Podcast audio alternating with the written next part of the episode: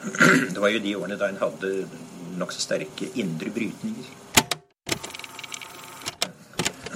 Indre brytninger.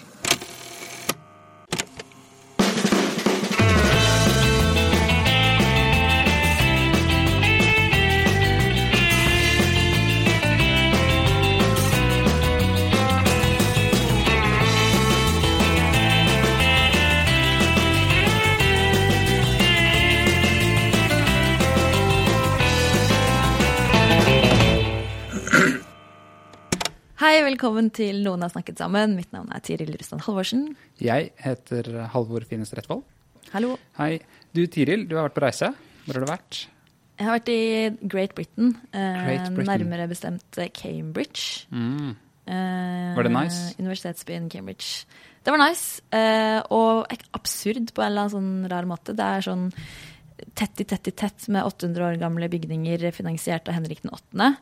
Eh, og mange, mange kjente Det er liksom treet til Newton og alt det der. Treet til Newton, er det der? Ja, de, de, de sier liksom Det er et sånn fantastisk epletre, og så sier de der satt Newton. Men sannheten er vel egentlig at det kanskje er på en måte et barn av det treet. da, At det er et frø Ah, okay. fra det treet som har uh, vært der. Men uh, uansett, det er liksom mange sånne ting. Veldig historisk sus. Men samtidig, det som gjør det så rart, er at alle de gamle tradisjonene fra den tida henger veldig sterkt igjen, ikke sant? Det er sånn high table, hvor studentene spiser treretters middag, og så sitter de akademisk ansatte på et plan høyere enn studentene. scene, liksom? Ja. Ja. Eh, Og masse sånn Mm. fellows only, står det, ikke sant. Så, ja. Hva var anledningen? Hvorfor var du der? Jeg var der eh, eh, sammen med Klassekampen, for jeg er med på noe som heter Klassekampen Akademiet, hvor vi Ja, det er liksom skriving og forskjellige ja, ting, så da dro vi dit. Det er sånn, De har gjort det mange ganger. Um, Var det noe bra program? Det var det absolutt. Uh, Vi har uh, fått litt innblikk i brexit og britisk politikk fra briter. Ja. Vi var også i Boston, som er liksom det de kalles for brexit-hovedstaden. For 76% eller noe stemte for, Boston, nei, for brexit, da. Er det utenfor. Cambridge, liksom? Ja, det ligger ca. en time nord okay. for Cambridge. Cambridge. Og da, hva, hvordan var stemningen der? Eh, I, i brexit-land? I brexit-land. Uh, mye frustrasjon, fordi ingen vet hva som egentlig skjer med brexit. Uh, I Boston er det, veldig, er det mye innvandrere fra selv Øst-Europa som har opplevd ganske mye mer trakassering etter brexit. da. For nå skal de liksom ut, men så er de der fortsatt. Og så er det tøft, Mm. tror jeg. Labour etter uh, Corbyn har jo vært preget av sånn indre motsetninger Mm. mellom høyresida og venstresida av partiet. og sånn. Fikk du noe inntrykk av det? Um, vi, vi hadde også en fyr fra Momentum, som er en sånn gruppe som har organisert seg rundt Corbyn. Uh, og han var veldig opptatt av at uh, de skulle legge alle sånne interne stridigheter vekk nå. Nå var liksom De hadde brukt en del tid på å, å bekjempe motstand mot Corbyn, men etter liksom det andre valget så sto de støtt, og nå og Corbyn trygt, og nå skulle de legge uenighet tilbake seg og se fremover, da. Mm, Det er jo lett for eh, vinnerne på en måte internt å si da, at nå er vi ferdig med kampen, så nå må alle være venner.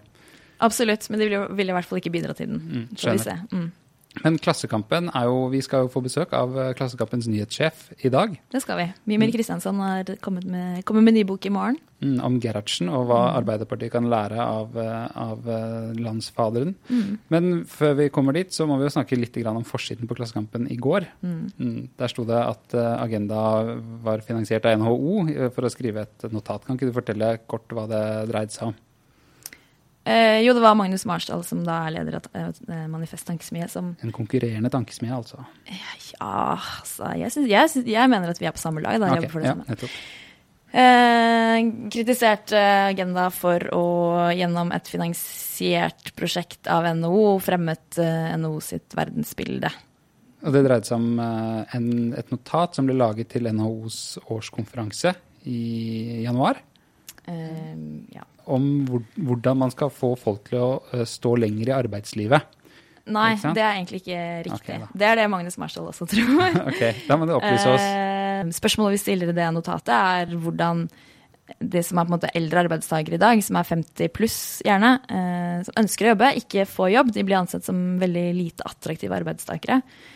Og det er jo ikke ønskelig. Så det vi så på, var jo hvordan Er det noen barrierer der? Hvorfor blir de ikke ansatt? Hvorfor blir de sagt opp? Hvorfor får de ikke jobb?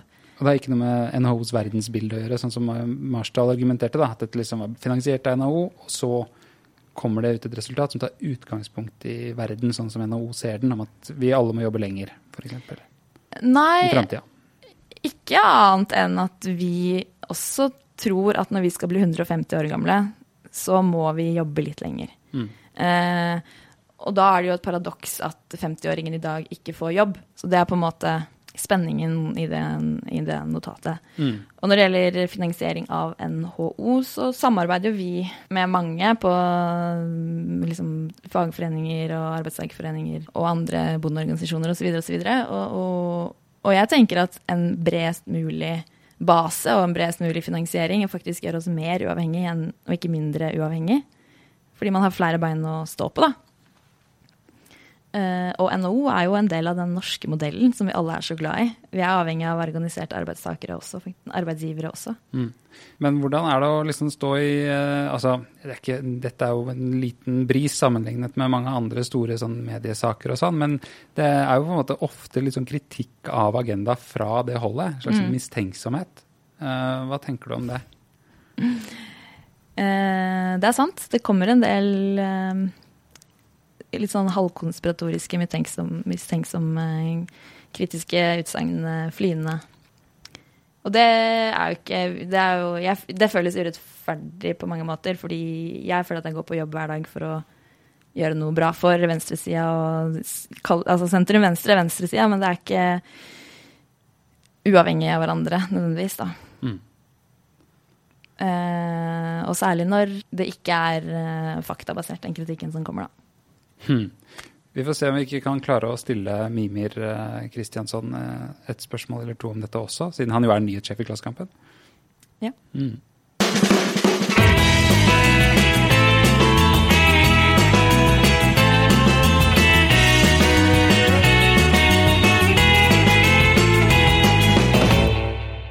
Ja, da har vi fått besøk av Mimir Kristiansson, som er eh, til daglig nyhetssjef i Klassekampen, gitt ut flere bøker, og nå er du aktuell med boka eh, 'Hva ville Gerhardsen gjort? Veien videre for Arbeiderpartiet', som er gitt, gitt ut på Manifest forlag. Gratulerer med bok, og velkommen hit. Tusen takk. Den har du skrevet i pappaperm. Delvis i alle fall begynte litt før, men stort sett.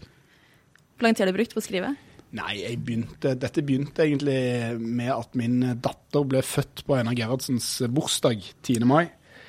Jeg trodde jo eh, eh, vi var litt, Hun gikk litt over tiden, og sånn, så det seilte forbi både Lenins bursdag og Karl Marx sin.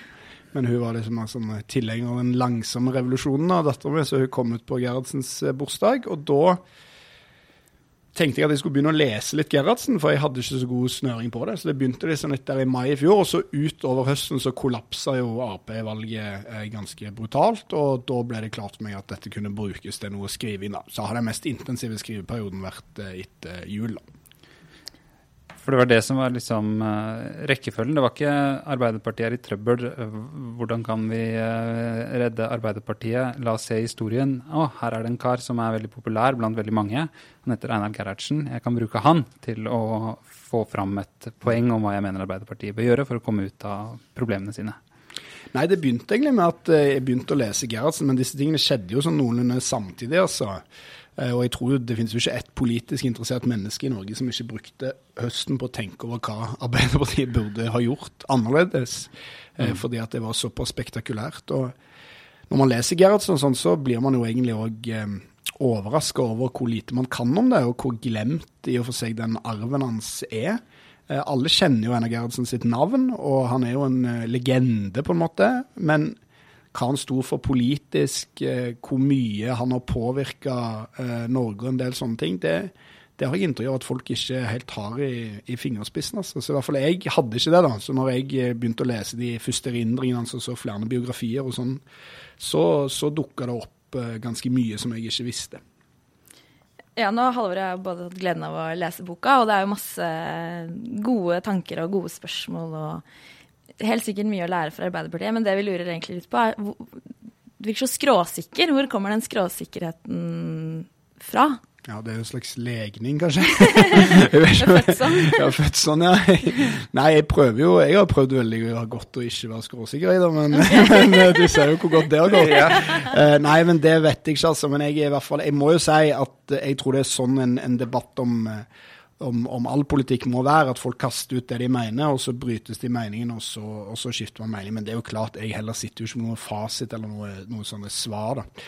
I utgangspunktet så var jo undertittelen ikke veien videre for Arbeiderpartiet, men svar på Arbeiderpartiets krise. Okay. Punktum. Men uh, det syns forlaget, forlaget ble for skråsikkert, så det ble luka ut. altså. så, veldig så kunne det vært mye moderert, men verre. kraftig.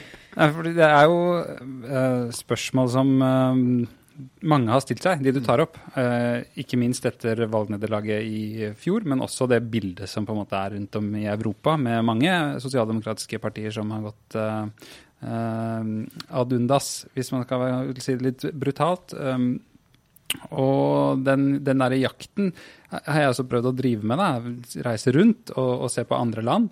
Eh, Men jeg har kommet så langt at jeg, ikke, at jeg føler meg mindre skråsikker enn jeg noensinne var. Så det er litt sånn, ja. Ja, altså jeg, eh, jeg tror eh, jeg var eh, Jeg har motsatt reise for deg, at jeg var mer usikker før. Fordi at jeg, jeg lur, følte vel særlig kanskje i valgkampen at Arbeiderpartiet veldig ofte havna i sånne veldig uheldige sånne spagater. Det er typisk Man har et veldig sterkt industritilhørighet, liksom, på den ene siden, og så har man denne voksne miljøbevisstheten på den andre. Man har en eh, ganske åpenbart eh, ganske vel, innvandringskritisk velgermasse, vil jeg tippe. Mens på den andre siden så ønsker man å, å, å ikke spille det spillet til Listhaug. Eller kanskje ønsker man det, kanskje gjør man det ikke. Dette liksom vingler man litt på, eller hva man skal si. da. Mens det som jeg på en måte oppdager når jeg leser Gerhardsen, og det er det som gjør at det er i stand til å være sånn skråsikker, da, at der har du et ganske sånn konsistent prosjekt, som på en måte egentlig varer for Einar Gerhardsen er 14 år liksom 1911, og egentlig fram til han dør. Og, og der ligger det på en måte noen sånne grunnleggende sannheter for uh, arbeiderbevegelsen. Og for min del så, så ser ikke de ut til å være borte i dag, da. Og, og det mest åpenbare er jo tilknytningen, eller forståelsen av seg sjøl som et interesseparti, altså et parti for eh, for så vidt ganske store eh, befolkningsgrupper, men for visse befolkningsgrupper og deres kan du si, materielle interesser, arbeiderne, at de har, har mye å tjene på velferd, økt lønn, jobbtrygghet, de tingene der. Eh, og det andre også er denne troen på at økonomien kan styres. da, Og, og det er det som kanskje overrasker meg mest med Gerhardsen, selv om alle burde egentlig vite det. men man glemmer det likevel, men Gerhardsen hadde jo en utrolig styringsoptimisme og tro på at absolutt alt kunne holdt på å seg vedtas. Og i dag så har politikken mista det fullstendig, og kanskje Ap er det partiet der den endringen er synligst i, selv om det selvfølgelig er ikke noe på en måte verre der enn en i, en i Høyre, tvert imot. Jeg skal komme inn, inn på alle disse tingene. Jeg bare fikk så lyst til å, å, å spørre, siden du nevnte de to spenningene som eh, Arbeiderpartiet står i, miljø, industri og innvandring, og hvor de litt sånn eh, Hva heter det for noe? danse litt, da. Vet ikke hvilken fot de skal stå på. ikke sant? Og, um, du begynner jo boka di med en sånn eh, artig scene hvor eh, Einar Gerhardsen våkner opp under bordet på um, et møterom som har fått navn etter han, uh, i Folkets hus. Uh, og skjønner ikke hva, hva som har skjedd med en, en riking som partileder og 27, uh, 27 av, av stemmene i, i valget. Men jeg får jo lyst til å spørre. Liksom, dette er jo to eks eksempler på to saker som eh, er av nyere dato enn Einar Gerhardsen. Uh, og han våkner opp da under dette bordet og, og kanskje dunker hodet i bordplata på vei opp og, og, og skjønner at han må ta stilling til industri eller klima. Og må ta stilling til mer eller mindre innvandring. Hvor eh, nyttig er Einar Gerhardsen og den historien for å, å ta uh, tak i alle disse nye sakene? Nei, altså Einar Gerhardsen og, og hans historie er nyttigere for å ta tak i de gamle sakene enn i de nye. Eh, og et viktig poeng for meg er at de gamle sakene ikke er borte. Jeg tror at i politikken så lever vi under en slags sånn idé om at liksom, eh, om at verd, altså Det er jo ikke feil heller, men verden er i endring hele tiden. Alt er så nytt og spennende og sånn. Men f.eks. den striden mellom arbeid og kapital og sånn, den, den, eh, den har nye former og alt mulig, men de skillelinjene der de er ganske like som de var. da. Og der, eh, og der er på en måte, det er der de lærdommene. Så jeg har prøvd å ikke liksom bare legge Einar Gerhardsens ord eh, over det jeg egentlig mener, og så komme med mine råd i innvandringspolitikk og klimapolitikk og alt mulig. Men, Men er det ikke nettopp klima og innvandring er blant de sakene som eh, polariserer mest og, jo, og, de, og, de er, og det, mobiliserer mest for tiden? Da? Jo, og de er veldig kompliserte, og det er ikke sikkert at, eh, at svarene hos de ligger hos Gerhardsen.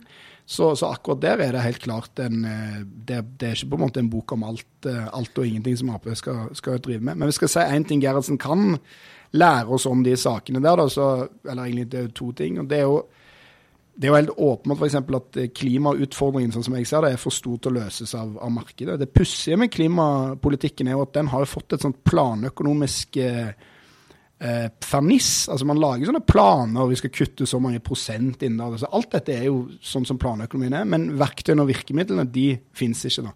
Så hvis Gerhardsen skulle på en måte hva han ville meint om uh, gruvedeponi i Førdefjorden, sånn, det er vanskelig å svare på. Tror jeg sikkert at for uh, all industri som tenkelig kan være. Men, men, det som er ganske sikkert, er at han ville nok meint da, at, uh, at, hvis man skal bygge nye næringer og ny industri i Norge, så skal staten ta grep om det.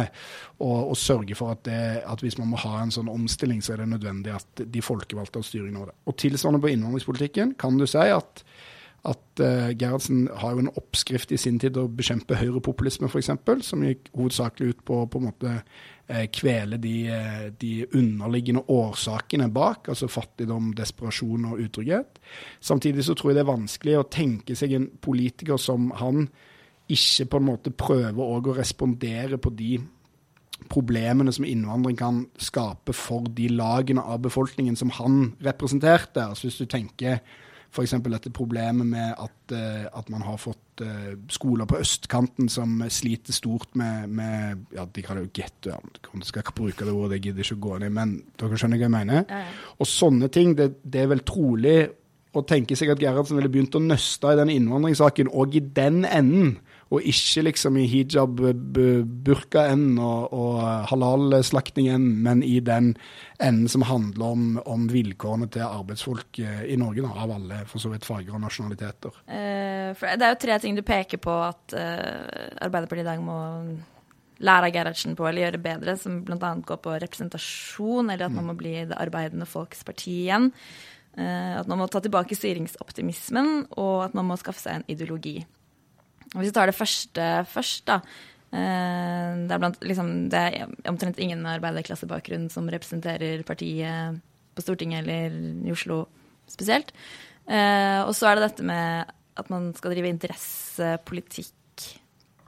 Eh, men det er jo bare sånn 20-30% som identifiserer seg selv som arbeiderklasse i Norge. Hvordan hvis man skal føre politikk som mobiliserer langs klasselinjer, da, som de skriver, hvordan, hvordan, gjør man det på en måte når folk ikke selv ser på seg selv som arbeiderklasse? Mm.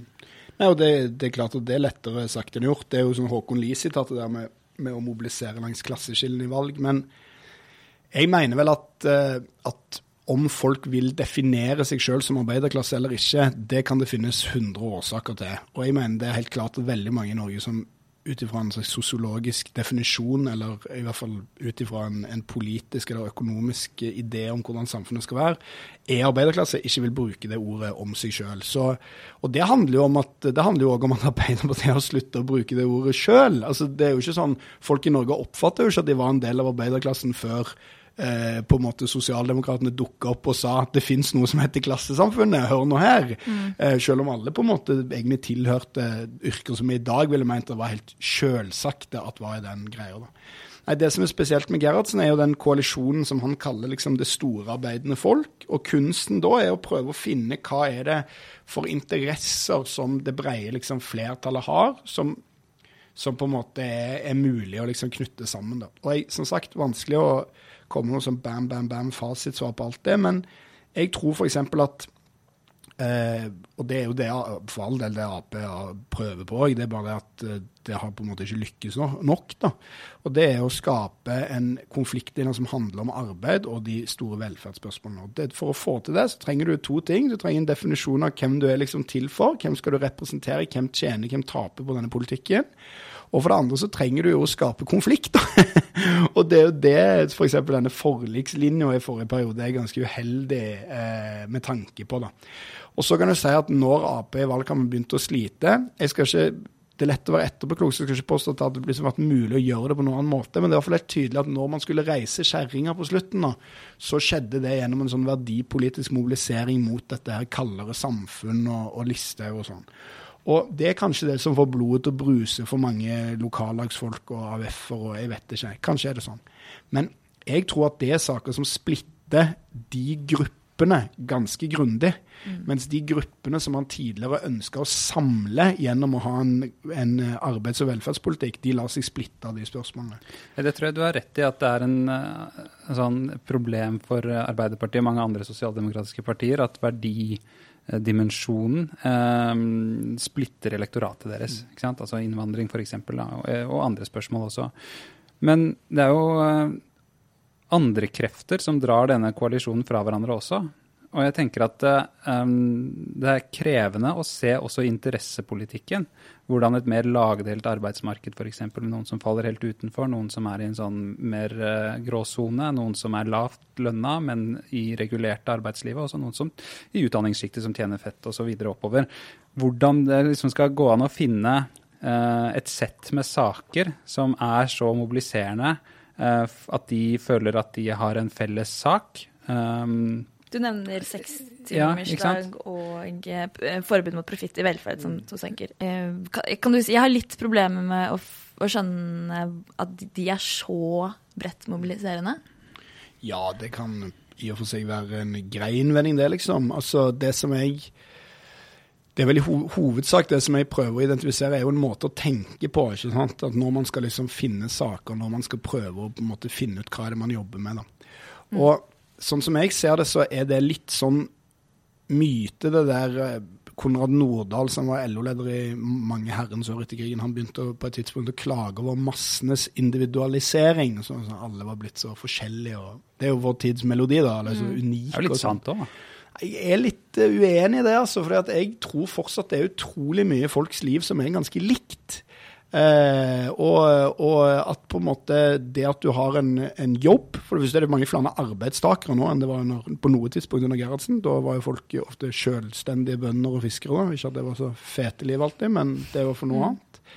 Eh, folk har, og, og, kvinner har kommet ut i arbeidslivet. ikke minst sånn. Folk har en jobb, de har en sjef, de kan få sparken hvis de gjør det dårlig, de har lønn. Uh, de har alle sammen lån eller gjeld. Det er jo utrolig opplagt felles interesse i Norge at de aller fleste er veldig forgjelda. Um, når de skal kjøpe bolig, eller bare om de må ha kredittkort fra måned til måned. Og alt dette her danner grunnlaget for en sånn mulig som interessepolitikk. Så om det er så lett å få dette til, det er på en måte, det tror ikke jeg. Mm. Ja, jeg, jeg, jeg, tror du har rett, men det er liksom den derre eh, Hvordan man skal gjøre det. Mm. Har man de tankene i Arbeiderpartiet, men så får man ikke kommunisert det ut? Eller mangler mm. på en måte politikken uh, helt konkret, da? Jeg tror på en måte alltid at problemet er Dette syns jeg Martin Kolberg sier veldig bra, bare fritt fra hukommelsen. At alltid problemet er altså velgerne er veldig smarte, og de, de sanser sånn alle politiske svakheter egentlig ganske godt. Sånn at når man får et sånt kommunikasjonsproblem, så er det egentlig alltid et politisk problem man har. Mm. Og det føles selvfølgelig ikke sånn for de stakkarene som sitter og prøver å komme ut med politikken sin, men alt som skjer er at Finansavisen skriver om Jonas Gahr Støres brygge og idiotiske saker som det. Men det er egentlig politikken som på en måte ligger liksom og lurer i bunnen. Og jeg tror at Ap ganske lenge har eh, forsømt å på en måte drive en en mer sånn helhetlig politikkutvikling, altså. Og, og, og, på en måte, ja.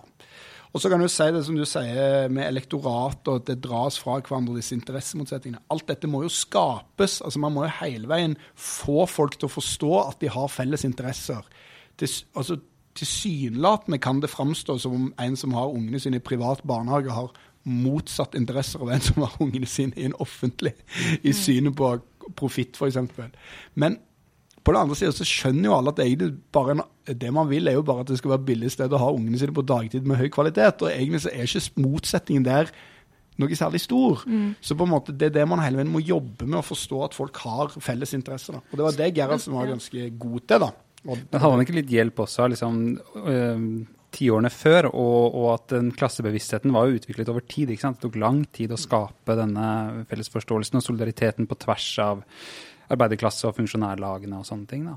Sånn at det, ja, det er et både- langsiktig prosjekt. Både det, både det og så i tillegg er det jo veldig spesielle omstendigheter like etter krigen, Ja, absolutt. der folk er i veldig sånn samlingsånd. da. Mm. Men, eh, men jeg tror jo at fordelen til dagens Arbeiderparti er at dette har jo blitt gjort før, og de aller fleste husker jo å ha stemt Arbeiderpartiet en gang. Eller å ha foreldre eller eh, noe som har gjort det. De fleste har stemt Arbeiderpartiet en gang. Ja, ikke sant? Så folk er jo ikke så fremmed egentlig for den tanken. Så alle andre velgere er jo velgere på avveie egentlig for Ap. Sånn jeg forstår deg, så argumenterer du for at man skal på en måte gjenskape den gamle alliansen. ikke sant? Uh, er Gerhardsens allianse av det, brede arbeidende folk. eh, hele det arbeidende folk. Men det, det kan jo være at man også må på en måte oppdatere eh, i takt med hvordan eh, samfunnsutviklingen er, forståelsen sin av hvilke grupper som skal klemme sammen i denne alliansen. Hva tenker du om det? Det tror jeg du har rett i, og det er det som er, er på en måte kunsten, er jo å det som er vanskelig når man driver med sånn, å prøve å lære av fortida, det er å holde fast på de liksom vesentlige tingene som ligger i bånn, og så prøve å på en måte oppdatere de eller få de til å passe i dag. Da. Og for eksempel så nå er det jo i realiteten en allianse mellom arbeidere og bønder som er den rød-grønne blokken. Altså, så Den alliansen der finnes jo i dag. Men det er klart at bøndene og fiskerne i Norge de er jo, i motsetning til arbeiderklassen, en gruppe som praktisk talt har forsvunnet, eller i hvert fall blitt eh, desimert. da. Eh, mens jeg tror man må prøve i moderne, for eksempel i moderne tid, så må man klare å finne ut hva er det i en lærer og en sykepleiers hverdag som er likt som i en fabrikkarbeiders hverdag. Og før så framsto de at Da læreryrket er et veldig godt eksempel, for det var et såkalt eh, fritt yrke, nesten. altså Det var liksom der det hadde høy status osv. Hvis du ser på den Simon Malkene-saken i Oslo-skolen nå, så skjønner du at det er ganske mye av det som er likt som det på en måte fabrikken er òg. Du har ganske klare sånn mål som er satt ned i noe Excel-ark. alt mulig. Du må nå de målene innen sånn og sånn. Du har veldig lignende sånne ting. Og så har du en fryktkultur og en kontrollkultur og alt dette her. Og lønningene til sykepleiere, i alle fall, eller barnehagelærere, altså de er jo ikke noe skyhøyt unna det som er lønningene i ja, håndverksyrker eller på lager, eller De er nok høyere enn det, men liksom Sånn at eh, man må jobbe med å finne de tingene. Og til og med mange sånne tidligere ennå Dette er litt interessant eh, fenomen. For hvis du tenker på at verden blir altså yrkessituasjonen til folk blir mer og mer ulik, det kan du si, men på en annen måte så blir han jo mer og mer lik. fordi at yrkessituasjonen til en akademiker i dag, som jobber på universitetet, liksom, er jo midlertidighet og den typen problemer. Og før var jo det du er set for life. Du får en, eh, du får en doktorgrad, og da kan du være trygg på alt, liksom. Og sånn er det jo heller ikke lenger. Så, så det er faktisk en del av de yrkene som er på en måte vei, på vei nedover til å ligne litt mer på sånn den arbeideryrkene var før. Da. Nå er det jo under halvparten av LO sine medlemmer stemmer Arbeiderpartiet, og siden 2001 eller noe, så har flertallet av det som på en måte, i hvert fall sånn objektivt sett er arbeiderklasse i Norge, stemt på borgerlige partier. Eh, det er liksom Velgere forsvinner den veien, og så forsvinner de til sofaen i ganske stor grad. Um, hva, altså De som stemmer til høyre for eh, sentrum, hva er det fordi Høyre har liksom noen svar som Arbeiderpartiet ikke har, da, eller? Altså Det der er jo alltid eh, vanskelig for sånn venstresidefolk å svare på, fordi man har jo lyst til å svare at de, det er bare de er blitt lurt. de forstår ikke sitt eget beste. Eller. Sånn, men jeg tror jo, bare hvis man ser på norsk politikk, så vil man jo se et mønster. Hver gang Høyre gjør det bra, vinner valg, blir liksom store og et bredt folkeparti og sånn, så gjør de det ved å ligne på Arbeiderpartiet. De prøver liksom å kalle seg det nye Arbeidspartiet, de freder fagforeningskontingenten, mennesker, ikke milliarder og sånn.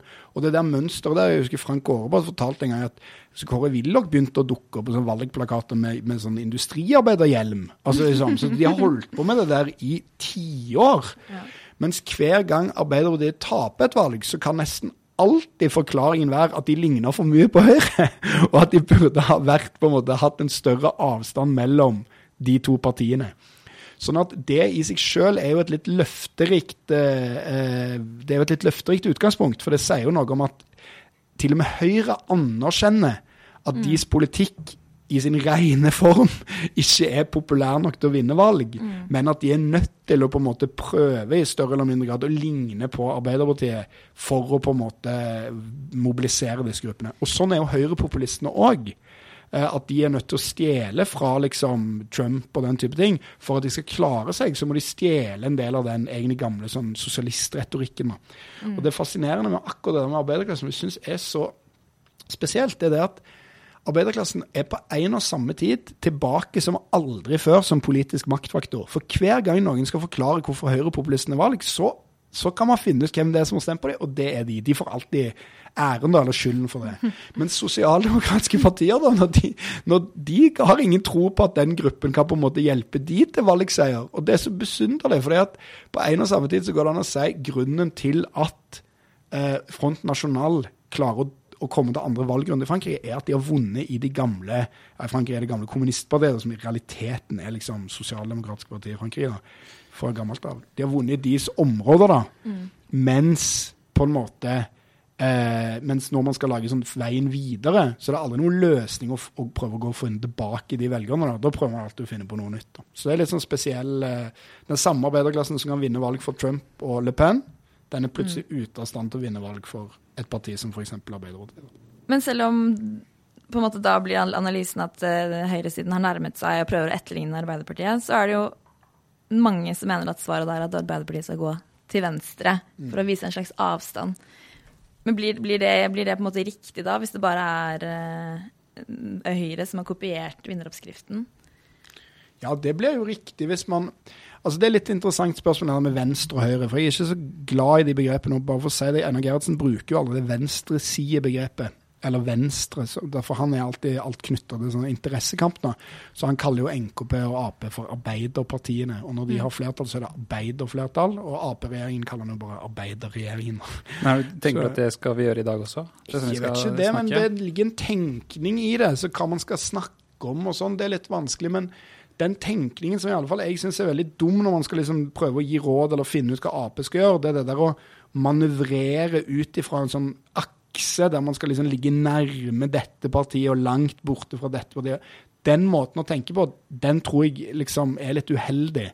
Fordi at eh, jeg tror, jeg må bare si, jeg tror ikke at Ap vinner valg på å kopiere liksom, partiprogrammet til Rødt eller SV. Du bare tar det, og så stiller du til valg med det. Så way, så vil alle stemme. Man ser jo, ja, ikke sant? De får jo de prosentene de får, liksom. noe veldig tro på. Så, mm.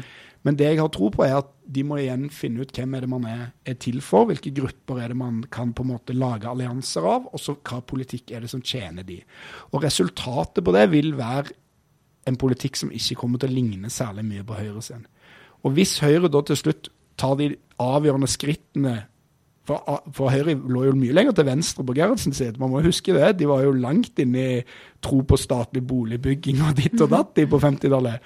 Men hvis de gjør det, så er det bare flott, det. Det er jo ingenting annet. Da har man jo oppnådd å, å flytte samfunnet i den retningen som man ønsker. Men i første omgang så må man på en måte prøve å finne ut er det noe hva er det som er den riktige politikken for de gruppene vi skal være til for, og de ideene som vi tror på. da. Og Det er derfor jeg mener Ap må gjøre det der prinsipprogramjobben òg. At Ap rett og slett ikke alltid har så gode svar på hva som er, hva, hva er på en måte hensikten med partiet. da. Mm. Hva er på en måte meningen med hele greia, annet enn å bare være ett politisk parti som skal administrere Skole og helse. Ja, et politisk system, liksom. Men på en måte hva er visjonen, og hvor vil man være om 50 og 100 år, liksom. Du eh, skriver jo om sånne, et sett med sånne falske motsetninger som du prøver å ta rotta på. Sånn gammelt nytt, f.eks. Eller eh, motsetningen mellom eh, ideologisk renhet og pragmatisme. Mm. Eh, eller visjoner, da, og, og gjennomslag. gjennomslag. Eh, så kan du ikke på en måte bare kort forklare hvorfor disse motsetningene er i dine øyne litt sånn falske? Kan begynne med det første først. Altså, det jeg selvfølgelig skjønte når jeg fikk den ideen, var at alle kom til å komme trekkende med den Gerhardsen-ungdommen-sketsjen. For det er jo et eller annet sånn mm. på en måte håpløst sånn dinosauraktig at du kommer med noen løsninger fra 50- og 60-tallet. Sånn. Men jeg tror og dette skrev Marte Gerhardsen veldig bra om i en artikkel på Agenda, faktisk, der hun siterte fra nyttårstale som eh, Einar Gerhardsen hadde hatt. Og jeg tror at man må forstå at liksom ja, det skjer endringer og utviklingstrekk i verden, men det er politiske ideer som egentlig er ganske sånn evige. Eh, og den ideen om at man Ap har kanskje i 40 år jobba for å modernisere seg. Det begynte jo et moderniseringsutvalg på 80-tallet. Og de 40 årene de har på en måte ikke gått så bra. Sånn at spørsmålet er skal man liksom hele veien prøve å løpe bort fra modernisere, komme til noe nytt, liksom. Og den motsetningen der mellom nytt og gammelt som er så mektig i politikken at nå du må ikke være mot sånn, ta sånn beste Uber-debatten. Et utrolig godt eksempel, syns jeg. Da kommer man, eller Uber og Uber, jeg vet ikke hva det heter, men da kommer man og sier sånn ja, før var man mot hest og når man var man mot bilen, og det var hest og kjerre. Sånn, sånn var det da. Men altså, det som, hvis du egentlig ser på hva det Uber-samfunnet er, så er jo det en tidsmaskin tilbake til fortida, til en typisk løsarbeidskultur man hadde før. Sånn at det der ideen om Hvis man går fem på det der nytt, gammelt, nytt, alltid bra, gammelt, alltid dårlig, så går man glipp av at de motsetningene er ganske sånn evigvarende, en del av de tingene vi snakker om. Noe for, det forandrer seg hva uttrykk det har og sånn, men ja, arbeid, kapital er det beste eksempelet. Og så vil jeg bare si én ting om det. Høyresida deres ideer de er dritgamle. De er mye eldre enn våre. Så det der usynlige hånd Adam Smith-greien det er fra 1770-tallet. Og på en måte, hvis det skal være irrelevant å snakke om det Gerhardsen drev med i dette landet for 50 år siden, men det skal være i høyeste grad relevant å drive med det britiske filosofer mente for 300 år siden, da er man jo fullstendig i bakvendtland, liksom. Nei, spørs så mye Et, altså jeg bare tenker Du sier at det er evigvarende, og det kan man jo uh, kanskje uh, godta på et vis. Men, men uh, hvis man ser litt sånn stort på det, så har jo motsetningen mellom arbeid og kapital endret seg veldig mange ganger i sin mer detalj, på mer detaljnivå. F.eks. så fantes det jo ikke noen arbeiderklasse inntil for drøyt 200 år siden, og så oppstår den i løpet av 1800-tallet med industrirevolusjonen og sånn, og masse folk flytter til byene, og sosial nød rundt fabrikkene og sånn. Og det er på en måte eh, utgangspunktet for den lange historiske buen som eh, vi fortsatt er en del av, hvor, eh, hvor revolusjonære impulser er omformet til reformistiske impulser, har klart å omforme de vestlige samfunnene og på en eller annen måte lage kompromiss, kompromisser rundt motsetningen mellom arbeid og kapital, putte lønnsdannelse inn i noen organiserte former osv. Uh, sånn at det uh, er jo ikke gitt at uh, denne motsetningen sin, sin, natur på et mer sånn finmasket nivå er den samme hele veien her. kapitalismen har vært gjennom flere faser. En fordistisk fase, en finanskapitalistisk fase, en globalisert fase osv. Vi står kanskje på terskelen til en ny fase med digital, mer digital økonomi. og og framtida til arbeid er liksom kastet opp i lufta. Sånn, sånn at det, Man kan jo også tenke at det er en del nye utfordringer inni den motsetningen mellom arbeid og kapital som krever noen nye svar. Mm. Og da er det jo ikke sikkert at å, å, være tilbakeskuende og hente ting fra Gerhardsen er den beste måten å angripe det på. Mm. Altså, jeg jeg tenker For det første så har du rett i det der med evigvarende. Altså. Det er bare jeg som ikke har fantasi nok til å forstå at kapitalismen ikke er evigvarende. Eh, så Det har jo fantes noe før det, og det forhåpentligvis skal jo finnes noe etter. Ja, og visjonen du snakker Men, om også, ja, ja, den handler om å få slutt på det. Mm. Så det er riktig det der med evigvarende. Men i mange hundre år da er poenget. Ja. Har det vært uh, den avgjørende motsetningen i samfunnet. Og jeg er for så vidt enig i at den, ja, den vil endre seg, og ja, du kan liksom ikke plukke Eh, alt som de drev med før og sånn. Men jeg vil bare si at jeg er sjokkert over hvor mye som fortsatt er relevant, og hvor mye du kan plukke. Vi snakket i stad om det Uber-greiene. Kampen mot løsarbeidersamfunnet, f.eks.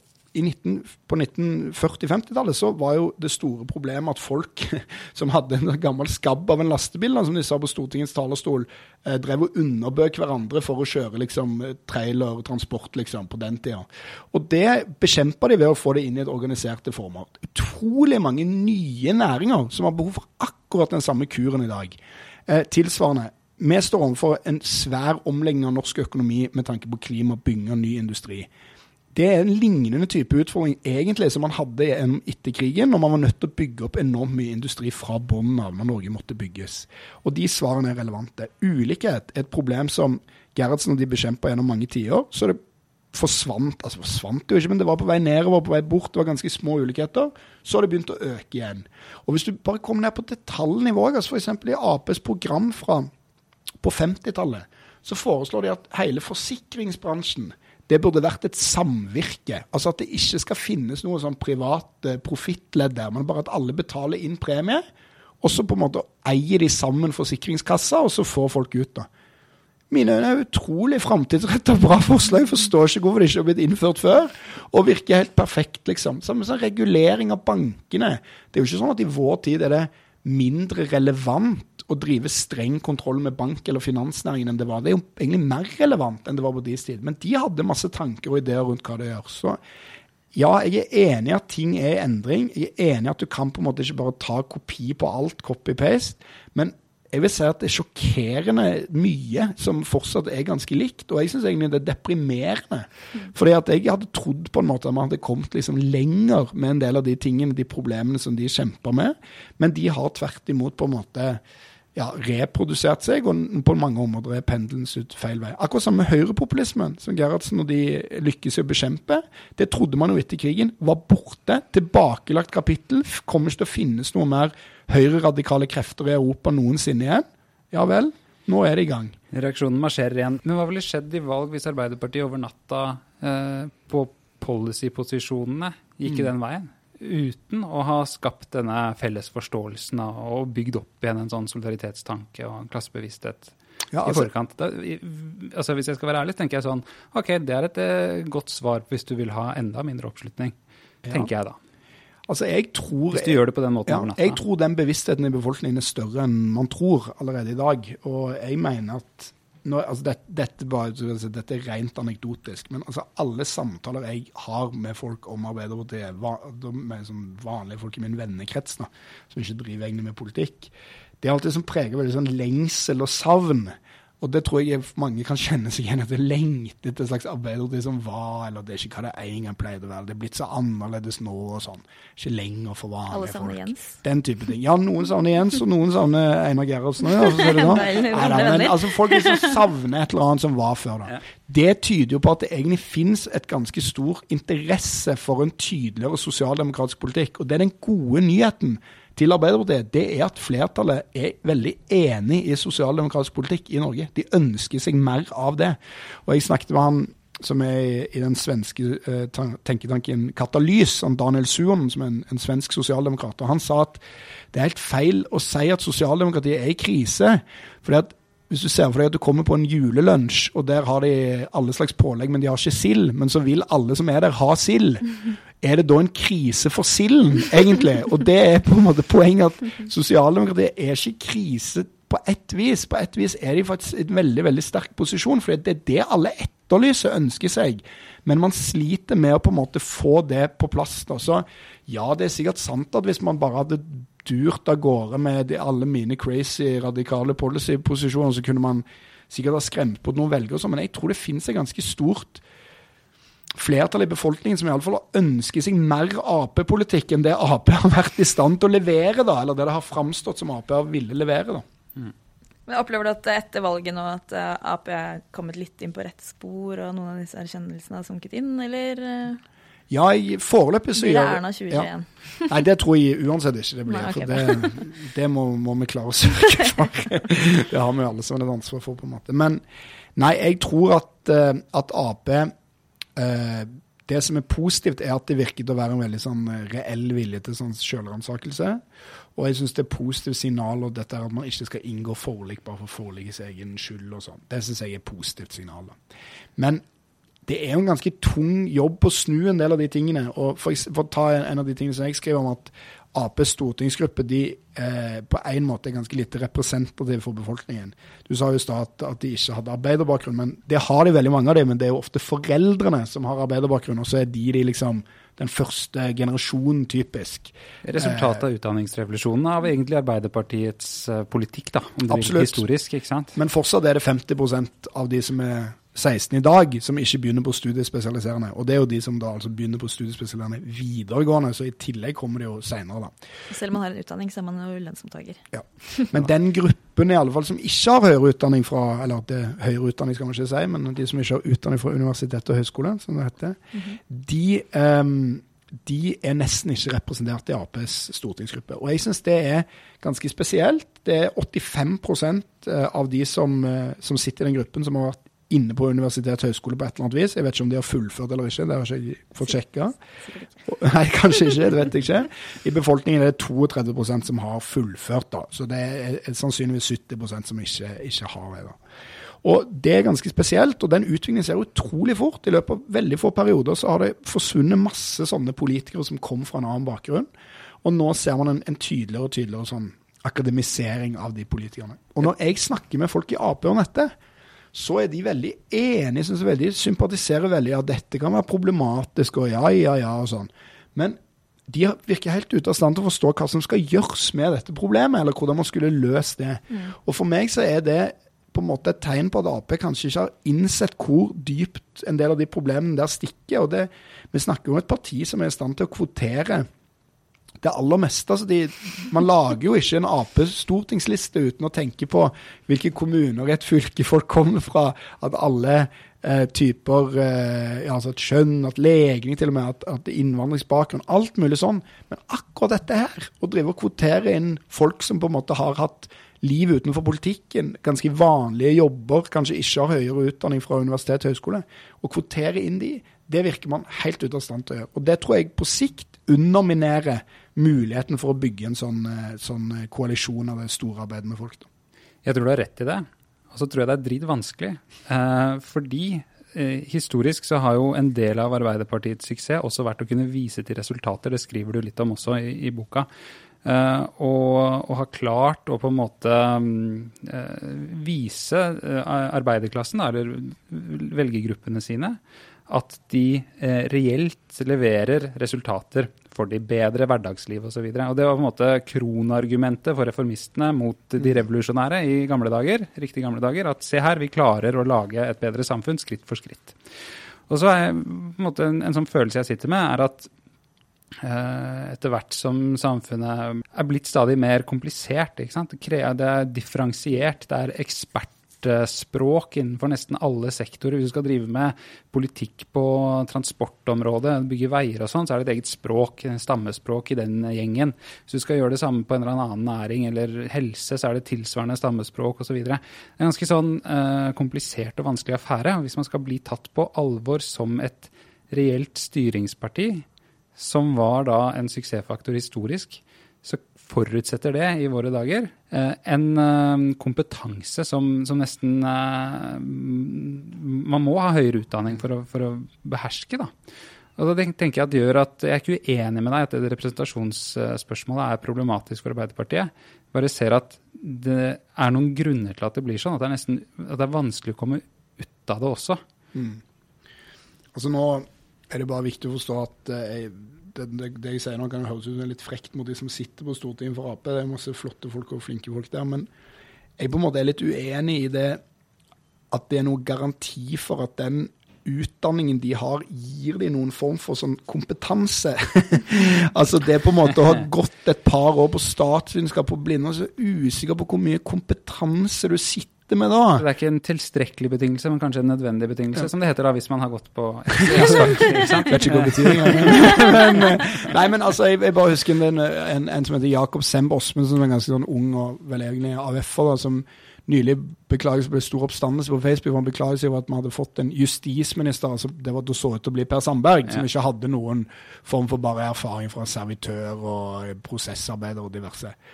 Men det som er litt interessant, er at ja, da kan man si ok, justisministeren burde kunne juss, men det er jo ikke det man sier. Man sier justisministeren kan ha tatt et hvilket som helst jalla-emne på Blindern. Det trenger ikke ha noe bare de har en eller annen form for høyere grad å vise til. Og tilsvarende, hvis man skulle fulgt den der logikken, at folk må ha kompetanse, så burde man jo sagt at fiskeriministeren alltid skulle vært fisker. Burde alltid ha hatt bakgrunn fra fiskerinæringen. Og det er jo ingen som på en måte mener det. Inhabile med en gang. ja, det er for så vidt òg riktig. De klarer å være inhabile uten å ha en bakgrunn. Men, men altså, så jeg, jeg, på en måte vil bare opponere litt på det der at den utdanningsgrad, altså den graden de eventuelt måtte ha fra et universitet, er det samme som kompetanse. da. Og så når det kommer til dette med at politikken er blitt mer komplisert og sånn, så det skulle jeg gjerne, Samfunnet er blitt det. Ja, jeg skulle gjerne gått, gått mer inn i det. Jeg det har egentlig ingen forutsetning for å si om det stemmer eller ikke, men jeg skulle gjerne liksom, på en måte kommet liksom, dypere inn i det og sett ja, ok, hva, på hvilken måte og hvordan da. Men det jeg på en måte tenker at vi har jo et stadig utesende byråkrati og rådgiverapparat. Altså Gerhardsen i folka hadde én rådgiver per pers, liksom. Og han var statsminister og hadde én rådgiver. Og Det er nå en annen tid, selvfølgelig, men i dag sitter man jo med rådgiverapparat. Kanskje der kanskje sitter noen eksperter der? da? De har jo like mange rådgivere på Stortinget som de har stortingsrepresentanter. Kanskje de være eksperter på fagfeltene, da? Mm. Og så kan man velge inn representanter fra eh, befolkningen som folkevalgte. da. Eh, og så vil jeg jo si, bare så det er sagt, altså i den Ap-stortingsgruppa sitter det sykt mange helt vanlige folk. Det er ikke sånn at eh, hvis folk går gjennom den gruppa der, så er det ikke sånn at det er det alle sammen har vært direktør i Verdens økonomiske forum, for å si det, selv om én har det. Så, så, det er veldig mye vanlige folk der, men det er litt typisk at det mangler på folk som ikke har valgt å gå den teoretiske skoleveien. Og jeg tror politikken savner det i andre partier òg. Men jeg tror Ap blir ramma sterkest av det av velgerne. Det tror jeg, for det er de som har hatt de velgergruppene tradisjonelt. Men jeg tror alle partier hadde tjent på det der. altså. Det er litt sånn uh, kritikk vi i Agenda også blir brutt, uh, møtt uh, mot. Er en sånn akademisk tankesmie som prøver å dra venstresiden mot høyre, på en måte. Hvis man skal ta liksom, kritikken litt sånn bredt, da. Uh, som kanskje ikke akkurat uh, sett fra dem hjelper Arbeiderpartiet og venstresiden den situasjonen de er i nå. Uh, bare om du har noe Jeg forstår ikke alltid den kritikken, fordi vi opplever ikke det i det hele tatt selv at vi prøver å dra noen til høyre.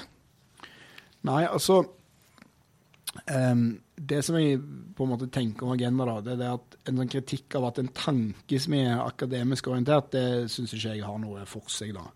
Uh, fordi at det er klart at altså Jeg òg mener jo at det bør være økonomer i Finansdepartementet. Altså Det er Lenin vel som sier at bare du kan bare du kan addere og subtrahere, så kan du styre staten. Det tror ikke jeg helt på, så, så det er på en måte jeg tror på det. Og det er viktig å huske. Gerhardsen og de folka der de hadde jo kontakt med liksom de ledende økonomiske fagmiljøene sin samtid. Ragnar Frisch, eh, nobelprisvinneren. Og, og, første program, eller regjeringserklæringen til Gerhardsen etter krigen den sendte han jo til gjennomlesing hos forfatteren Sigurd Hoel, som skulle på en måte rette på språket. da. Eh, paradoksalt nok da, så hadde Hoel ingen språklige endringer. Det eneste han la inn, var et avsnitt om yrkesfag som han mente Gerhardsen hadde glemt. Eller yrkesopplæring. Men det ville ikke, sa Gerhardsen, at eh, sånn kunne ikke politikk bli til, dessverre. Ved at forfattere kom med sånne innspill i siste sekund. Hva? Hvorfor ikke? men, men, men, eh, men poenget er bare at så den kritikken der syns jeg er latterlig. Jeg syns venstresida og Arbeiderpartiet og arbeiderbevegelsen må kunne holde seg med miljøer der det sitter folk som er på en måte eksperter, da, kan du si, eller akademikere og, og sånn, og jobber med de sidene av saken. Eh, det som kanskje er mer bekymringsfullt, men som er, er litt sånn uh, old man yelling at cloud, hvis dere har sett den Simpsons-episoden, det er jo at politikken på en måte beveger seg litt for mye bort fra det som er de tradisjonelle organisasjonene som de på en måte kom fra. da og Gerhardsen og de folka der. Og, og, jeg tror det er en ganske sentral del av Aps problem at man har bygd ned egen partiorganisasjon over tid. At det som skjer, er at rådgiverkorpset har fått mer og mer makt, og at man på en måte nedover i, altså Beskjedene går nedover i systemet. Det kommer direktiver ovenfra, så skal folk ut og sette det i livet, drive valgkamp for det. De blir fortalt hva de skal gjøre. Det er avgjort hvem som blir valgt som leder lenge før landsmøtet er. Bare, det er bare å komme og klappe. Sånn var det mindre av før. Nå var Ap ganske toppstyrt uh, under Gerhardsen men det gikk på en måte to veier. Så det kom liksom signaler nedenfra og på en måte signaler tilbake ovenfra. Da. Så den nedbyggingen av uh, organisasjonen den tror jeg er uheldig. Og tankesmier er potensielt på en måte det neste steget i den uheldige utviklingen, sånn at politikkutviklingen ikke engang foregår i partiets egne rådgivere. Ja, eller et resultat av det, men ikke engang rådgiverne som er ansatt i partiet, driver med politikkutvikling. Det er liksom en egen outsourca gruppe. Og det som sagt er ikke jeg sikker på hva man kunne liksom gjort med. Det er egentlig en opposisjon mot hele ideen tankesmie, sånn sett. Men jeg mener iallfall at det er en sånn bekymring. nå. Så nå med tanke på det med agenda ligger til høyre eller sånn, jeg har ikke egentlig oppfatta det sånn, det må jeg bare si. I hvert fall ikke på det som har vært gjort med ulikhet og sånn, som er det jeg har merka meg mest. da. Men jeg syns jo at det virker som det finnes en, en, slags sånn idé, da, et eller annet som man kan ane i bakgrunnen, om å på en måte alliere seg litt med miljøer som liksom kanskje ligger i sentrum, eller nærmere på en måte høyresida i norsk politikk. og eh, Geir Lippestad, som vel er styreleder ennå, hvis jeg ja. har rett i det. Han har, jo samtidig så de styrer i Virke, liksom, og, og, på en måte Ja, du har et lønnsnivå på topplederen som liksom ikke ligner helt på det som man kanskje burde hatt i sånne organisasjoner. og sånt. Så det er mye sånn signal da, som på en måte blir sendt gjennom sånne ting, og som sikkert er meint som signaler òg, for å vise at man er sånn næringsvennlig og villig til å samarbeide. og ikke skal være helt låst. Vi har valgt den lilla fargen og alt sånt. Men, men, de signalene tolkes jo ulikt av, av sånne som meg, da, som tenker at ai, ai, ai, her skjer det, da. Men hvor, jeg har ikke noe dyp analyse av det der. altså. Jeg har ikke tolka så mye høyrepolitikk ut av det som har kommet, da. Iallfall. Jeg, Jeg vet ikke om jeg skal svare. nei, hvis vi skal gå inn i dette, så tror jeg vi, vi blir sittende her. Men vi har, jeg har ett siste spørsmål uh, som jeg ikke kan slippe deg ut herfra uten å ha stilt. Ja. Det gjelder chatten. Som, Ok. det, som det står om i um, oh, ja, sånn, ja. Den er chatten. Hva skjer nå? Så det står 'takk til chatten', det, som har betydd meget mye for deg. Ja. Eh, Hvem, hvem er med der, da? Nei, det Men ville den, ville den bestått eh, denne testen som nå um, eh, Alt må bestå i uh, vår tid. Uh, Arbeiderklassetesten. nei, Nei, jeg tenker mer. VG-forsidetesten. Som uh, det er jo Og om den ville tålt å være Ja. på VG-forsida? Ja. Ja, ja, dens deltakere ville nok tålt å være på VG-forsida, det tror jeg. For det er såpass brokete vennegjeng, dette. Men innholdet på den chatten, det er ikke bare ikke på VG-forsida, men i de aller fleste sosiale lag. Det er ikke egner seg for, eh, for, eh, for eh, publikasjon, altså. Så det er Ja. bare en eh, gruppe venner og kjente, det, som snakker om alt og ingenting. Men jeg håper til Gud at det er ingen som får tak i den. Du var litt nervøs nå at jeg hadde fått tak i den. Nei, jeg stoler på Jeg, jeg føler at de holder tettere. Dere har sånn samme pakt som de ti gutta på hyttetur i Trøndelag. Jeg tror vi holder enda tettere enn det hvis det skal, skal stå. Ok, Mimir Kristiansson, tusen takk for at du kom til oss i Noen har snakket sammen. Takk for det.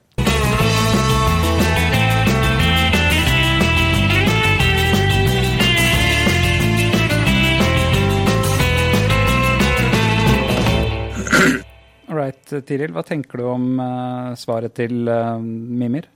Uh, ja, nei, jeg kan, for, jeg kan forstå det at symboler på en eller annen måte betyr noe. Eh, og så trenger ikke det nødvendigvis å bety at det er, er sant. Eh, og med det formålet til Agenda han er jo bredde ut grunnlaget for å kunne drive med venstreside og sentrum-venstre-politikk, for å liksom ha et eh, parlamentarisk grunnlag å, å danne regjering på. Jeg tenker Det er ikke så pussig, kanskje. For man står på utsiden av noe, så er det jo signalene man leser. ikke sant? Det er jo det man først og fremst har å gå etter. Lese signaler, ikke notater. Ja, ja, man kunne jo med fordel lest notatet, kanskje, før man uttalte seg så bombastisk. Men uh, det er jo noe med den type ting som fra innsiden uh, ikke betyr så mye, som fargen på logoen og sånn, kan plutselig få en annen betydning for folk som ser på noe fra utsiden. Mm, Det kan jeg jo kjenne meg igjen i sjøl òg, når jeg ser på andre ting, da. absolutt. Uh... Men eh, hva med det andre han eh, snakker om, da? Liksom Arbeiderpartiet og hvor man skal gå hen, og arven fra Gerhardsen og sånn. Har du troa på at det er eh, et reservoar hvor man kan hente bra innspill? Jeg tror det. det fordi, nettopp fordi eh, man klarer ikke å, evner ikke å mobilisere sine egne velgere i dag. Og da må man jo høre på de som har noen tips om, om hvordan. Eh, nå er ikke 2018 det samme som under Gerhardsen. sånn at man må jo finne nye saker, da. Mm. Men noe av tankegangen tror jeg absolutt at eh, man bør eh, ta til seg. Mm. Fortsatt usikker, ass. Det er eh, mitt kredo credo i dette her eh, store spørsmålet om sosialdemokratiets framtid. Inntil videre, i hvert fall. En Man må jo mobilisere. Det Jo, det skjønner jeg, men liksom hvordan det skal gjøres konkret, så er jeg fortsatt på jakt eh, etter svar. Eh, Ikke så klar. Eh, Spørsmålene er jo ofte på merket, svarene er litt eh, ensidige etter min smak. Ok, les boka da, alle sammen. ja. Det går mot slutten igjen. Har du noe å selge før vi slukker? I Mimirs ånd da, så fikk jeg eh, lyst til å anbefale eh, Det kommunistiske manifest av Karl Marx og Friedrich Engels. Ikke fordi det i seg selv er noe svar for vår tid, men fordi det er på en måte gnisten som tente eh, hele røsla i eh, sin tid, i 1848. Og det, eh, grunnen til det er jo at, at jeg anbefaler det, er jo at det er 200 år siden Karl Marx ble født, om eh, en drøy uke. Så um, da kan man liksom markere det ved å lese en eh, ny norsk utgave som Leif Høghaug har eh, oversatt fra den tyske originalen. Som ikke bare sikkert er godt oversatt, men også er pakket inn i et omslag med glitter på. for å liksom lage, lage en eller annen form for sånn Fest. Ja, ja, eller en eller annen form for sånn ja, artig, interessant motsetning da, mellom innpakning og innhold. Ja. Det er 1. mai mellom nå og neste episode. Mm. Så det kan Også en ekstra grunn. ekstra grunn, og også min anbefaling da i dag. Mm. Gå i 1. mai-tog. Ok, da sier vi at det var det. Tusen takk for eh, oss, for at dere hørte på Noen har snakket sammen. Takk for nå.